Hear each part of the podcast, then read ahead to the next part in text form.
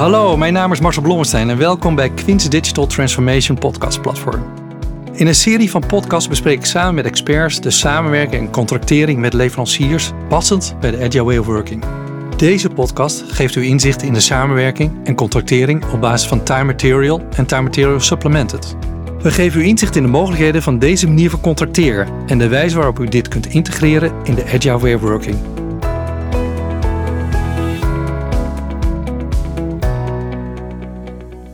Goedemorgen allemaal. Bij deze webinarserie over sourcing de Agile Working. Een webinarserie waarin we ingaan op het samenwerking met de leverancier en de wijze van contracten, contracteren met de leverancier bij Agile Working.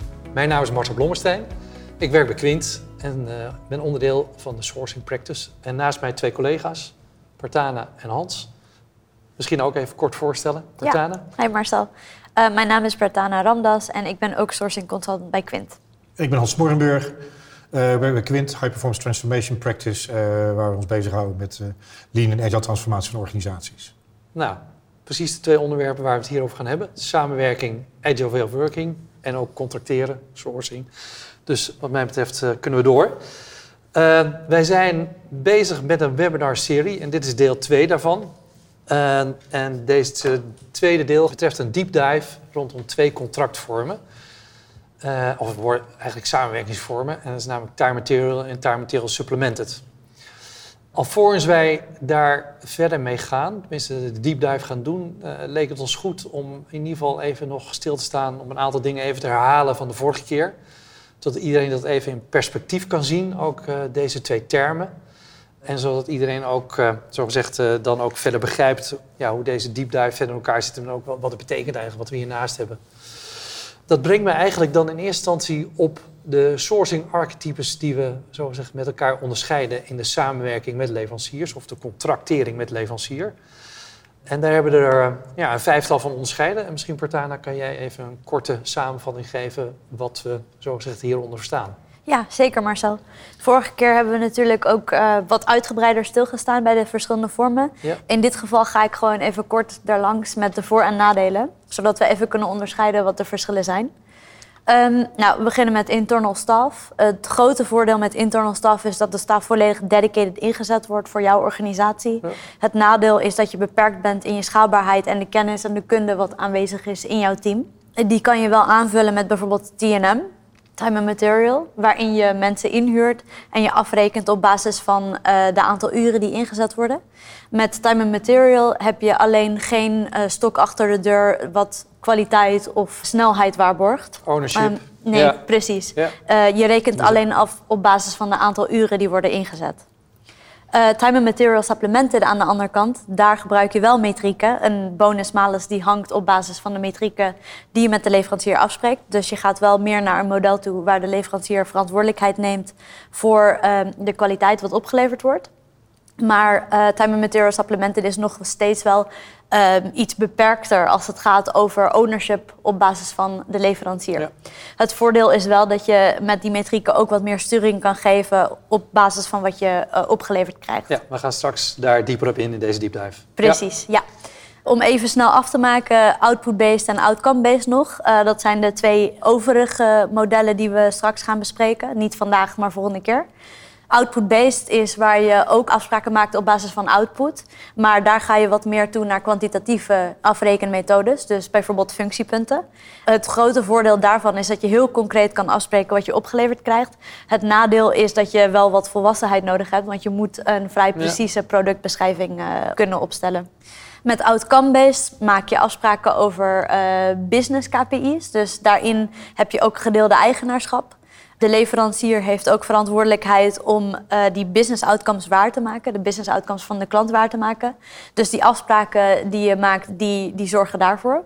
Dit past ook alleen in een groeimodel, zoals we straks gaan zien. Maar daar gaan we het uh, later over hebben. Ja, duidelijk wat mij betreft. Dankjewel ook voor deze toelichting. Want we zien in de markt eigenlijk een heleboel terminologie uh, zien we terugkomen. En ik denk dat het goed is dat we in ieder geval voor deze seminar-reeks, webinar-reeks, helderheid hebben wat wij er in ieder geval mee bedoelen. Ik had nog een paar vragen hierover. Allereerst, kunnen deze modellen naast elkaar bestaan binnen een bedrijf? Ja. Of uh, moet een bedrijf echt voor één kiezen? Nee, een bedrijf hoeft niet voor één te kiezen. Je kan verschillende modellen naast elkaar hanteren op basis van de karakteristieken van een bepaalde team. Dus wat je doet is je kijkt naar de type technologie die het team inzet, uh, hoe groot het team is, hoe zij in elkaar zitten, hoeveel leveranciers er in een team zitten. En op basis daarvan kan je bepalen welke archetype het beste past. En we gaan in de diepduis gaan we op in van wat, wat het zogezegd voor, specifiek voor uh, ja, bepaalde archetypen en welk team het beste is. Hè? Ja.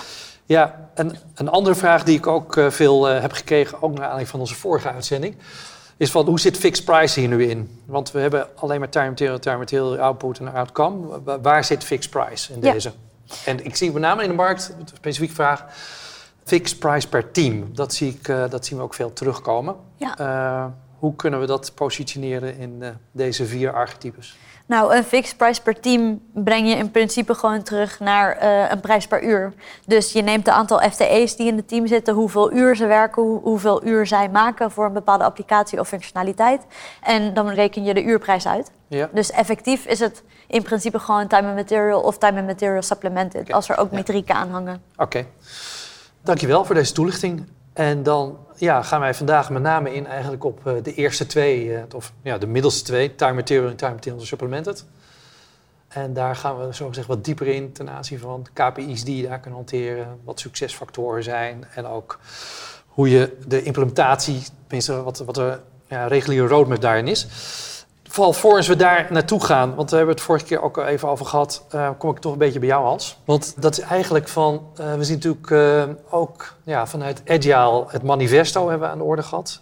vier basisprincipes waarop het Agile ja, werkwijze is gebaseerd. En ja, ik ben ook even benieuwd van hoe nou Time Material zo zegt, ja, wat zijn nou de plus en minnen ten opzichte van die ja, vier elementen in het Agile manifesto? Misschien kan jij daar iets over toelichten. Ja. Het manifesto, uh, dat nemen we even als overkoepelende uh, verzameling, zeg maar, van wat maakt nou uh, allerlei benaderingen agile. Dat is, dit, is, dit zijn eigenlijk vier, vier criteria waarop je zegt, hier zijn ze het over eens. Ja. Dus of het nou Scrum is, of dat je iets met, met les doet, of dat je iets met Hm. safe doet, of met nou, verzin een framework. Hè, die, die verschillen op onderdelen, afhankelijk ook van waar ze zich op willen richten. Ja. Maar over deze vier dingen zijn ze het dan over eens. En zeggen van, oké, als je dus gaat kijken van, criterium 1 is van uh, individuen en interacties. Dat moet belangrijker zijn dan alleen dat je verschuilt achter processen. Processen volgt er allerlei tools in zit. Nee, want in de interactie, daar leer je gewoon op een gegeven moment over wat wordt er bedoeld, wat heeft waarde, hoe kunnen we het maken. En de kortste klap is niet hoe kunnen we het opschrijven en in de mail zetten, maar hoe kunnen we elkaar begrijpen zoals we hier aan tafel zitten. Tweede is dat werkende software uh, boven de documentatie, de ontwerpen. Hm. Klassiek wordt juist heel erg de focus gelegd op die documentatiekant als borging voor kwaliteit. Ja. De agile benaderingen liggen heel erg de nadruk op. Het moet aantoonbaar werken. Dus als het bij de klant werkt, de klanten gebruiken het. En we zien dat de klanten daar blij mee zijn, werkende software. Dan weten we dat we waarde hebben geleverd. Dus dat is eentje waar we het ook allemaal over eens zijn. En dan ook interessant om te kijken van welk archetype past daar heel goed bij. Uh, dan heb je natuurlijk, derde die hier staat, is van, gaat het over de samenwerking, over de contractering? Ja. Altijd kies je eigenlijk vanuit de agile benadering over samenwerken is belangrijk. En als we namelijk eens zijn in de samenwerking, is het veel makkelijker om het eens te worden over het contract. Dan uh, als we beginnen met het contract en dat loopt moeizaam en dan komen we überhaupt niet aan het samenwerken toe. Okay. Vierde, de wereld is veranderd. We weten allemaal met COVID gaat de wereld is op zijn kop gezet. Maar dat is natuurlijk eigenlijk een benadering, de globalisering, dingen, marktontwikkelingen, dat, dat speelt al veel langer. Ja. He, dus daarom zoek je ook een methode en de contractering uh, van leveranciers moet eigenlijk bij aansluiten om in te kunnen spelen op de veranderingen. Nou, als je dus op, langs die vier assen uh, gaat kijken van wat doet dan time material. Ja, en time material supplemented. De time material ja, supplemented, die zijn eigenlijk in essentie. De time material supplemented, het woord zegt het al, het is een on-top. Op de time material heb je een bonus-malus regeling die een aantal KPI's uh, ingaat. Zie je dus dat het is lichtvoetig, je kan er snel mee starten. Time Material heeft niet zo'n nadruk op, uh, op kwaliteit, op werkende software, maar je moet gewoon aanwezig zijn. Ja. Hè? Dus of je nou het goede hebt gedaan, ja, je wil in de business blijven, de samenwerking wil je contract verlengen, dus daarmee zorg je wel dat er wat gebeurt. Maar intrinsiek hè, zie je dat met Time Material Supplemented probeert een aanvulling te geven die de sturing, de gemeenschappelijke focus geeft over wat is nou waarde voor de klant. En dat je als leverancier ook weet hoe moet je daarop inspelen. Okay. Dat dashboard geeft in feite aan waar zitten wij op dat pad. Zitten wij alles op groen? Prima, dan krijgen we onze bonus. Lukt het niet, om wat voor reden dan ook, ja, dan, uh, dan krijg je niet je bonus. Maar je basis, urenmaal tarief, dat heb je dan in ieder geval. Ja. Is er een situatie waar jij juist voor time and material zou kiezen en niet time and material supplemented? Ja, echt agilisten zeggen van nou, doe maar zo makkelijk mogelijk. Ja. En de rest regelen er wel omheen. Dus, dat is, eh, dus nou, als het heel innovatief is, er is heel onzeker, onzekerheid. Zeker ook vaak in de opstartfase van ik heb een nieuwe markt, we hebben nog niet een product. We gaan bedenken waar we gaan het naartoe, innovatie. Maar als de onzekerheid de boventoon voert, dan wil je niet hebben dat je heel langdurig je contracteert en verplicht in een samenwerking waar je eigenlijk denkt na drie maanden, ik zou hier wel mee willen stoppen. Dus dan zijn dit soort lichte eh, dingen als time material prima. We huren gewoon iemand in, gaan samenwerken, we zien waar we uitkomen. Zo snel mogelijk zou je eigenlijk daarna ook wel door willen naar... zijn we het eens over wat is kwaliteit? En durf je ook dat transparant te maken? Ja. Transparantie is een belangrijk agile principe. Ja, want wij doen ook regelmatig onderzoek met Whitelane. En dan vragen we ook wat is nou belangrijk ten aanzien van de outsourcing. En een van de dingen die dit jaar er echt uitkwam is ook eh, dat eh, ja, eigenlijk eh, focus on core business. En eigenlijk dus zie je dat de klant vraagt om meer ownership, dat de leverancier meer ownership op zich neemt. Hoe zie je dat dan ten opzichte van time material, supplementen en, en time material? Op zich, dat de klanten dit nu bovenaan zetten... en zeggen Ja. dit wordt voor ons eh, key... vind ik een hele goede ontwikkeling. Geeft eigenlijk ook aan dat, dat, dat de, de sourcingswereld volwassener wordt. Ja. Dus dat je niet alleen maar druk krijgt op de tarieven moeten zo laag mogelijk, want dat is toch vaak waar je zit. Hoe goedkoper, hoe beter we onze sourcingcontract hebben geleverd. Dat ze erachter komen van ja, maar krijg ik nou nog wel wat ik had bedoeld? Hè, we kunnen op een gegeven moment de kwaliteit eruit bezuinigen. Ja, dan hebben we een omhulsel, dat is heel goedkoop, maar we hebben er niks aan. Dus die, dat tweede ding, kwaliteit, werkende software, komt er minder. Dus die focus op die KPI's, en dan zie je dus de time material supplementen een hele goede aanvulling al is, die wendbaarheid. Maar je ziet dus ook, dus hoe meer je dus als business wil focussen op je markt, hoe minder je, je heel veel focus moet willen geven op je leverancieraansturing. En dan wil je dus eigenlijk hebben een manier van contracteren Ja. waarbij die, kant- die, die leverancier meebeweegt Ja. met waar jij naartoe wil. Ja. En dan is output-based natuurlijk een heel mooie eh, next step om, als je zichtbare functionaliteit kan leveren zonder dat dat. Er zitten wel wat randvoorwaarden aan, dat past niet bij alle producten en diensten. Maar als dat kan, dan kun je dus door sprintsgewijs te contracteren, eh, je functiepunten te tellen. De kwaliteit is dan geborgd in je, in je definition of done. Hebben we vorige keer al heel kort zijn we erop ingegaan. Dan zie je in één keer dat je daadwerkelijk ook de Ja, focus ik- op de markt kan geven. Zeker, ja. Ik, ik ga je even terughalen, want, Ah, sorry. ja, ja, sorry. Ja, enthousiasme. ja. want we gaan eh, dit, eh, deze sessie met name over time material, time material supplementen hebben. Een Output-based eh, is onderdeel van de volgende deep dive. Dus bij deze de reclamespot gemaakt, volgens mij Hans. Oké, Dus maar de beweging is in ieder geval van time material naar boven toe naar Juist, klopt. de kwaliteit Dus, maar ik begrijp in ieder geval, en dat, tenminste zoals ik het nu begrijp, is eigenlijk van oké, we zien eigenlijk dat we meer ownership naar de leverancier willen hebben. We zien ook dat time material eigenlijk, dan moeten we het ook meer over de delivery van de leverancier hebben. Time material is eigenlijk eh, ja, primair een, eh, een tarievendiscussie. Hè? Maar we gaan bij time material supplement, het gaan we het al meer hebben over de manier waarop geleverd wordt en ook de kwaliteit waarop het geleverd wordt. Ja, nou, time materials heeft niet alleen de tarieven, want je wilt tarieven koppelen natuurlijk aan de competenties. Ja. Alleen dat is nou iets wat je heel moeilijk kan meten. Hè? Dus dan, als je met een leverancier afspreekt, een tarief gaat omlaag Ja. van 60 naar 55 euro. Of je gaat het outsourcen eh, verderop in de wereld, dat je naar 35 euro, ik weet niet wat de tarieven tegenwoordig zijn. Maar dat, dit is eigenlijk een soort race omlaag, waarbij je hoopt dat de kwaliteit van de competenties gelijk blijft. Ja. En daar zie je volgens mij een spanning ontstaan. Ja, ja. Het kan goedkoper, maar je krijgt dan ook gewoon minder volwassen eh, eh, arbeidskrachten erin. Duidelijk. Dus en de, de- je krijgt de mogelijkheid met time material supplementen om daar toch wat tegenkracht, tegenwicht in te brengen. Om uiteindelijk wel de juiste kwaliteit en de juiste output eh, te krijgen. Ja. Goed. Eh dankjewel even ook voor deze verduidelijking. En ja, je hebt al een beetje output gezegd, hè, maar daar gaan we later op in. Dus ik wil nu met name ook verder gaan met material en time material supplementen. Met name time material supplementen, daar heb je natuurlijk... Er zit een bepaalde bonusstructuur in. De bonus betekent ook KPI's. En daar zie ik een heleboel klanten eh, zie ik daarmee vechten. Van joh, welke KPI's moet ik nou hebben en wat is nou de balans daarin? En meestal zie ik ook heel eenduidig eh, dat het of alleen maar op satisfaction gaat of alleen maar productiviteit.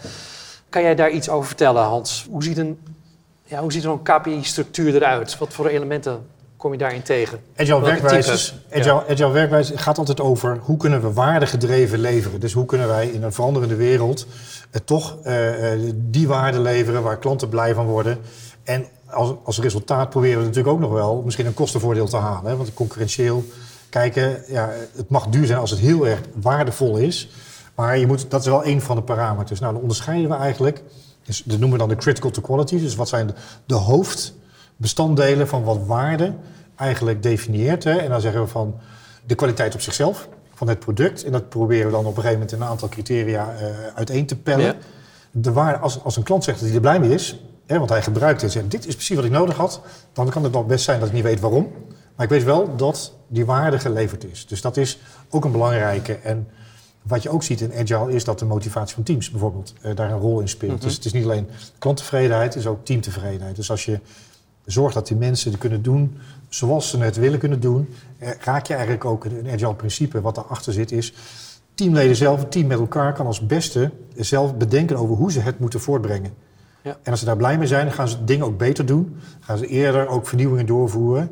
En dan raak je eigenlijk op een gegeven moment ook een andere waarde waar je volgens mij straks naartoe wil, is time to market bijvoorbeeld. We willen Ja. dingen sneller kunnen maken. Nou, dat kan bijvoorbeeld door het team ook te sturen op. Zorg ervoor dat je inzichtelijk maakt van waar zitten nou je belemmeringen. Hoe kom je in flow? Hoe kun je dat voortbrengen? Nou, dat is dus het derde element in ons dashboard. Snelheid, time to market. De tijd die nodig is van klantvraag tot tevreden klant. Ja. Dat is eigenlijk wat erachter zit. En dan op een gegeven moment, ja, cheaper. En dat niet per se de rate cards van de competenties. Maar wel de kilo product, zullen we maar zeggen. Kunnen wij, of uiteindelijk misschien een primair proceseenheid... die dan door een systeem meegaat. Als dat in één keer heel erg goedkoop en makkelijk gaat... dan kan het zijn dat je uiteindelijk daarmee als opdrachtgever goedkoper wordt. Oké. En dan krijgt het een heel andere lading. Niet alleen Ja. maar een rate discussie. Ja.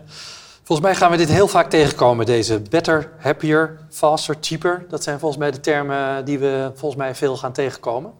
Komt het in DevOps eh, ontwikkelingen tegen waar wij ook mee bezig zijn, Ja. Agile. eh, maar het goede is dat we hiermee wat is kwaliteit expliciet maken. Ja. Ja, better, happier, faster, cheaper. Ik denk dat dat zijn woorden die we vaker gaan zijn tegenkomen. Eigenlijk denk ik dat we ook in de andere sourcing archetypes ook hier eh, ja, veel invulling aan moeten gaan geven. Of in nadere invulling op gaan geven. Maar ikzelf, maar ook onze kijkers zijn toch wel even benieuwd eh, van ja, even een stapje dieper. Hoe ziet nou better eruit? En hoe ziet nou happier eruit? En hoe ziet faster eruit en cheaper eruit? Kan je, kan dat iets toelichten? Ja, dat is interessant. Hè? We zien het ook veel bij de hele ontwikkeling naar DevOps, hè, waar wij zelf vanuit de Agile beweging en Lean eh, bij, bij betrokken zijn. Ja. Is dat je niet meer alleen gaat kijken naar kwaliteit van, van het bouwen, maar ook van het beheer en de, de, de hele productiecyclus. Dus kwaliteit gaat niet alleen over codekwaliteit, wat dan ook wel een klassieke manier is. Dan kan je allerlei regels hebben van als een bepaalde regel goed gebouwd is, dan kan je hem wel, eh, inchecken, uitchecken. eh. En de tooling zorgt ervoor dat wat dat betreft de basale kwaliteit, hoe je een, een programmacode opbouwt, dat dat eh, transparant is, dat dat aan alle regels van de kunst voldoet. Daar kun je een aantal metrieken onder bouwen. Nou, in dit geval hebben we gezegd van wat, wat zien wij daar in de markt? We hebben acht basismetrieken die daaronder zitten. Gaat misschien iets te ver om daar nu allemaal, die allemaal uit te Ja. werken. En dat noemen we ook wel PI's. Hè, dus dat is, die zitten die veel dichter op de, op de techniek. De Key Performance Indicators, dat zijn dingen die zijn voor de klant herkenbaar. De PI's, de Performance Indicators, die zitten, zijn veel meer stuurinstrumenten binnen het team gedurende het Scrum-proces om te monitoren of de kwaliteit toe of afneemt. Ja. Iedere regel die geprogrammeerd wordt, zie je codekwaliteit, kun je zien of die kwaliteit omhoog Ja. gaat of omlaag Ja. gaat. Maar ik zie dat Better eigenlijk uit vier onderdelen bestaat. Hè? Dus eh, Ja. ik zie, eh, misschien kan je die vier onderdelen even kort eh, toelichten. Better, er zitten er dus vier in. Hè? Dus de codekwaliteit Ja. waar ik net al eventjes kort op Ja. inging. En dat gaat puur over hoe is het geprogrammeerd. En, en is dat self-explain. Functionele test coverage Ja. gaat op een gegeven moment over... in hoeverre heb je in de testfase alle testcases... voldoet daar de, Ja. de, de software aan. Dus je gaat steeds beter kijken of de, de unit test, de functionele test... of, of die wat dat betreft voldoende voldoet aan de eisen... die je vanuit de business stelt, die je vanuit beheer stelt... die je vanuit allerlei perspectieven daarop eh, los kan laten. Als je kijkt naar de productiesituatie, daarom vind ik namelijk wel leuk dat ook gewoon de feitelijke fouten en de oplostijden erbij zitten bij kwaliteit. Dan kom je echt het DevOps denken. Ja. Dat zit hier eigenlijk gewoon in het dashboard al ingebouwd. En, en errors gewoon, nou ja, hoeveel incidenten zijn er? Hoeveel eh, P1's zijn er in een... eh, hè, dan kijkt iedereen altijd, hoeveel P1's heb jij? eh, dit, nou, een pro- een probleem. Hè, dus dat is vanuit business zeer herkenbaar. Maar eigenlijk, als je kijkt naar wat is nou eigenlijk kwaliteit, dan is het op die oplostijd, hè, om fouten op te lossen, is een hele krachtige. Eh, wat je daar namelijk ook ziet is, als de code goed geprogrammeerd is, we hebben alles goed op orde, de documentatie die je team nodig heeft om de zaak te kunnen analyseren, is op orde, we hebben de omgevingen eh, goed, goed eh, opgeschoond, dan kun je heel snel een fout, als je hem detecteert, in cloud, we weten allemaal hoe dat werkt, Ja. je krijgt op een gegeven moment een update eh, ergens in een cloud-oplossing. Vervolgens valt er iets om en dan moet je dus gewoon daarop in kunnen spelen. Dus we zien met name in, dus in de veranderende wereld dat de solution times of errors, Hè, eh, mean time between failure, eh mean time to repair, dat soort zaken. Die zijn heel erg belangrijk om hier op een gegeven moment ook te onderkennen. Ja, dus je ziet eigenlijk in deze better KPI's of PI's zie je zowel elementen voor softwareontwikkeling, maar ook eigenlijk voor de productie. Dus eigenlijk voor. ja, precies. dus die beide komen hier eigenlijk al in terug. Die hele ja. levenscyclus wordt hier eigenlijk in geborgd. Ja, oké. Ja. En dat is wel een kracht, vind ik. Van, daar moet je er ook, heb je er ook meer nodig. ja. En dat die vier dan aan de achterkant nog weer in een aantal PI's uiteenvallen.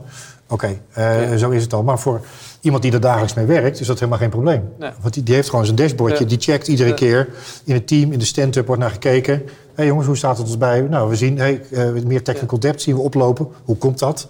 Heel vroegtijdig, nog voordat je in productie problemen hebt, is het team al aan het vooruit aan het kijken. Welke problemen zo voor morgen zijn we eigenlijk aan het genereren? Kom je hier tegen? Helder. Ik kwam net zei al van over het aantal eh, metrieken kom ik nog even op terug bij. Hè? Want als ik hem natuurlijk even optel bij elkaar, dan is het natuurlijk best wel een, eh, een grote set. Dat is even 8, 2, 9, 8. Dan zie ik al voor Better zo'n eh, zo'n 27 KPI's. Hoe gaan we daarmee om eh, in de Agile Way of Working? Want het is natuurlijk 27 KPI's meten kan natuurlijk ook... eh, ja, geeft heel snel het gevoel het kind met het badwater weggooien, zo zeg. Het zijn 27 PI's, hè? dus zijn niet, eh, eh, Ja. dus het zijn vier KPI's die op, het, eh, op de CTQ van Better Ja. scoren. Dus dat geeft al aan, voor de klant hoeft niet al die 27 te monitoren, maar het team monitort die 27. Ik denk dat dat een belangrijke is. En een andere belangrijke is, ook vanuit DevOps versterkt, die ontwikkeling, is dat je dingen automatiseert. Dat heeft een aantal voordelen. A, hoef je niet met het handje in de Excel-sheet die dingen op te tellen, af te trekken, te kijken. Wat was de, eh, Ja. de check-in tijd, check-out tijd, dat soort zaken. Nee, dat, dat genereert zichzelf. En is in die zin ook niet beïnvloedbaar eh, door het team. Ze kunnen het beïnvloeden door hun werk beter te doen. Ja. Hè? En dat telt dan op tot een van deze vier eh, KPI's. En die is voor de klant heel erg interessant. Als je dus ziet van, oké, dus de codekwaliteit, technical debt loopt terug. Hey, test coverage, dat is op het goede pijl. En we zien dat over het hele landschap. Dan zie je op een gegeven moment rust ontstaan. Als er gedoe komt, kunnen we dat ook heel snel oplossen. Als ik jou goed eh, begrijp, dan zeg je van oké, weet je, dit zijn wel een groot aantal eh, KPI's, dat herkennen we allebei. Eh, maar je ziet eigenlijk dat op dit moment in grote mate dit geautomatiseerd kan worden. waardoor je heel snel die, die informatie ook boven water krijgt. Het is goed gedefinieerd, want als het geautomatiseerd is, dan is het bij voorbaat gedefinieerd. En op basis daarvan kan je ook gewoon een set van KPI's, zo gezegd, eh, selecteren die je gaat hanteren voor time material supplemented, als, Ja. als onderdeel van de bonusstructuur met de leverancier. Ja, dus productiviteit zal je in eh, time material supplementen wat minder zien. Ja, Hè? Maar dat is juist de output-based, is dat wel een hele interessante. Eh, en deze andere, ja, dat is omdat ze transparant zijn, ze drijven de goede, het goede gedrag. ja. Hè? ze worden geautomatiseerd. Ja, dan hoef hoef je er ook niet heel erg ingewikkeld over te doen. Ze Ja. liggen gewoon, aan het einde van de sprint liggen ze op tafel. ja. We spreken erover, kwaliteit is voldoende. Nou, dan krijg je gewoon je, je Ja. bonus.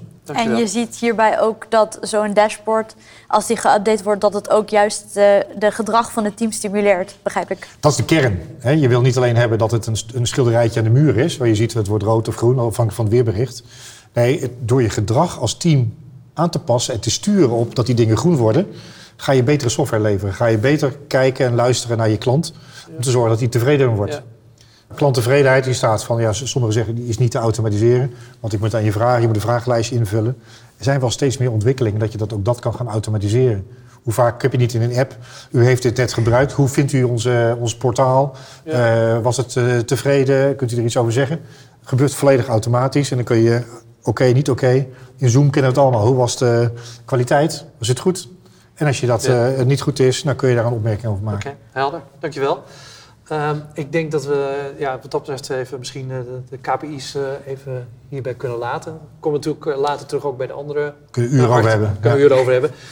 Eh, ik denk dat onze kijkers ook wel heel benieuwd zijn van ja, hoe we dit nou moeten inbedden in het, ja, het reguliere proces rondom, eh, zoals rondom Agile.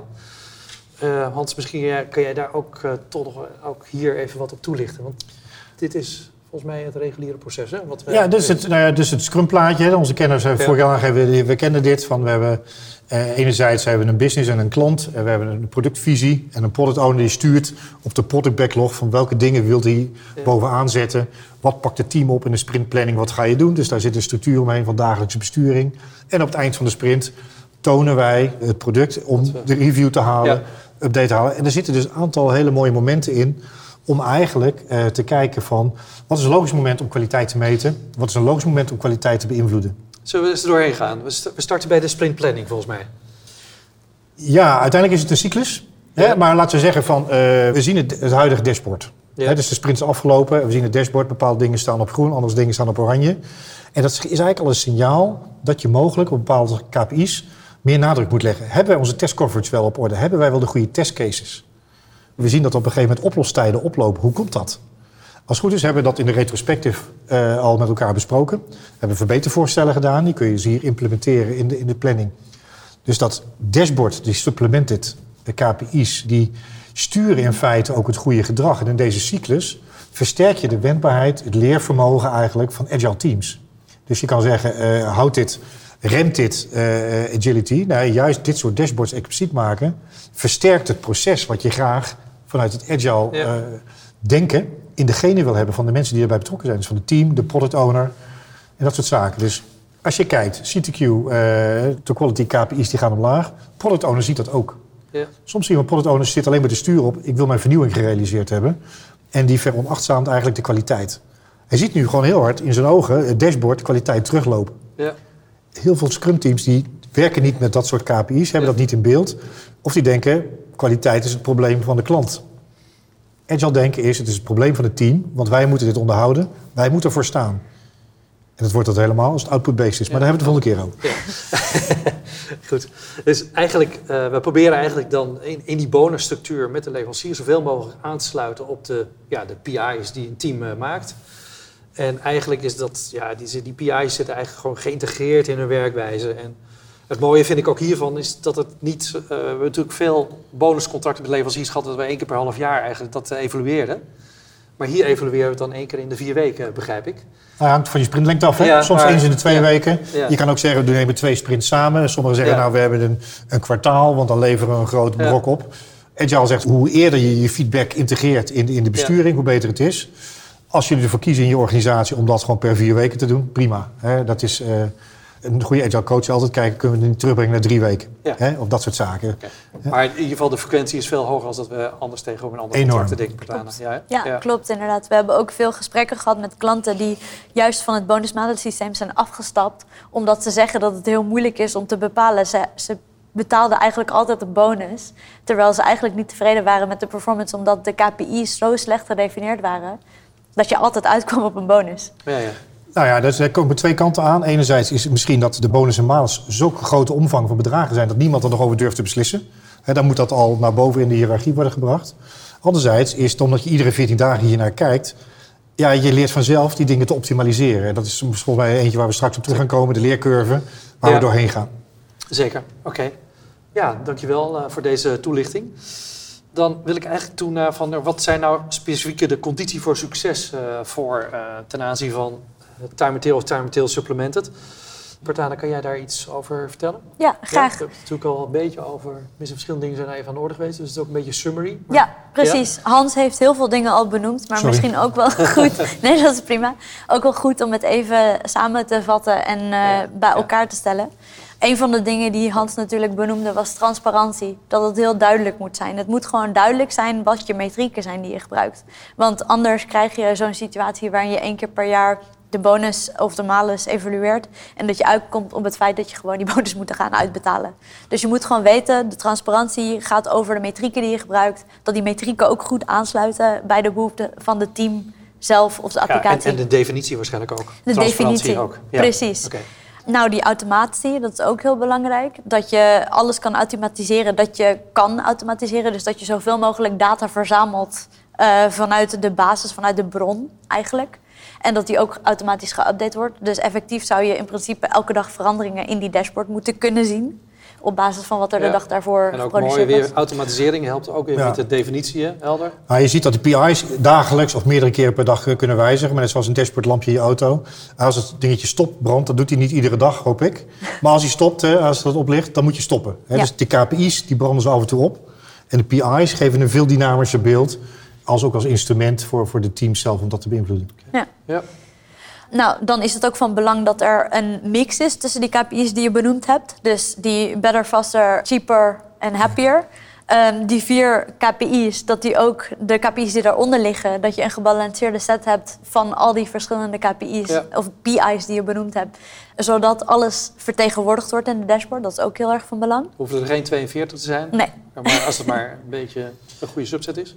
Zeker. Ja, Ja. Nee, het gaat om dat je de essentie raakt. Dus de hoeveelheid is niet de kracht, maar de, de goede dingen meten.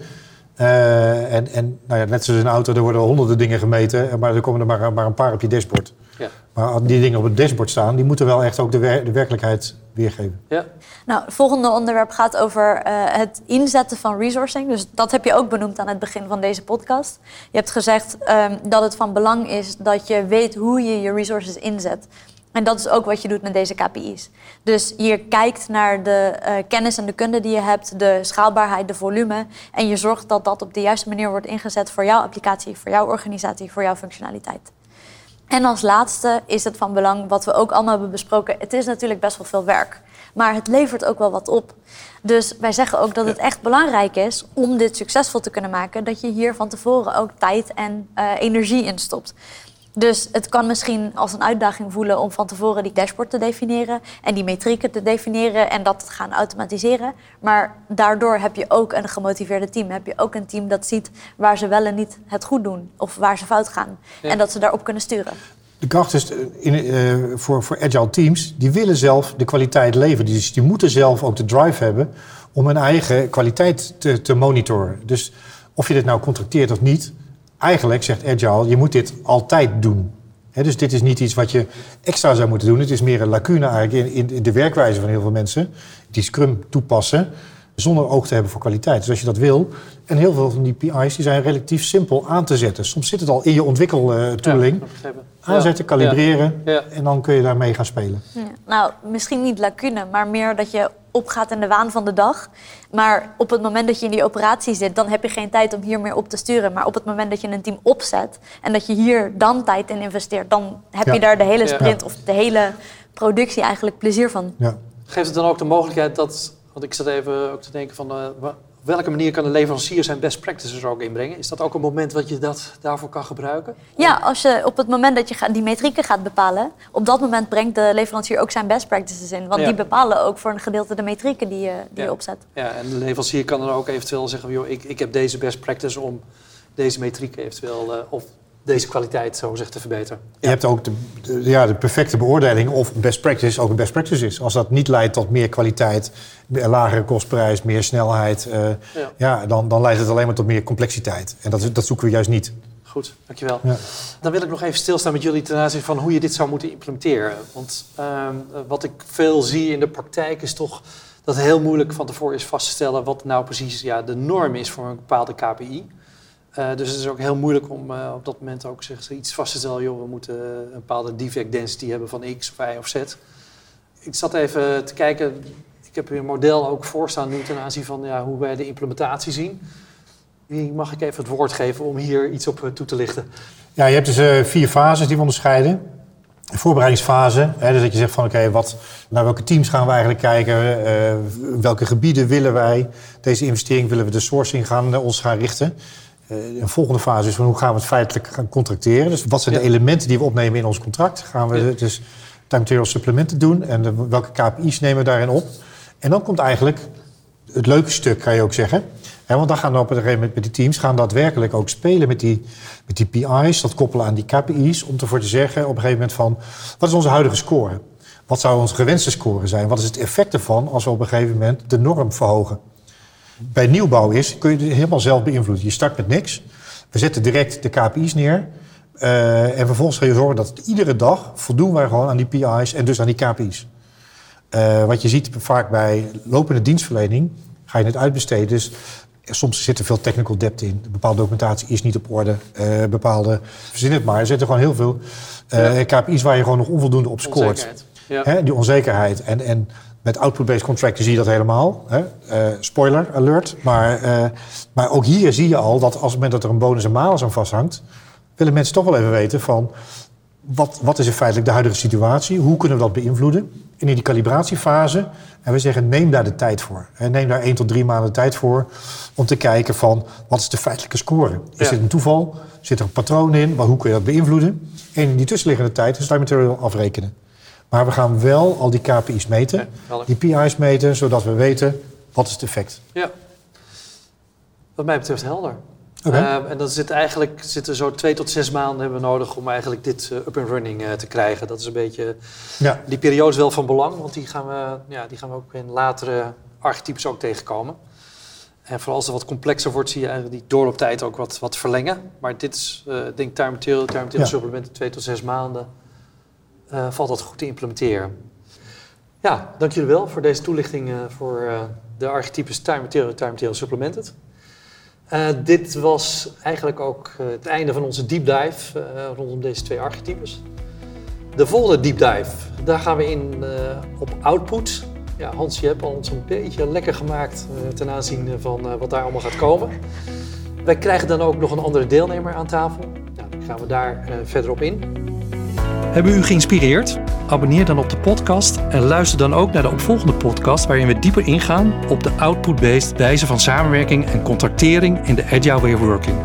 Of kijk op onze website www.quintgroup.com. Daar vindt u meer over onze dienstverlening, webinars, whitepapers en carrière mogelijkheden binnen Quint. Graag tot de volgende podcast-episode.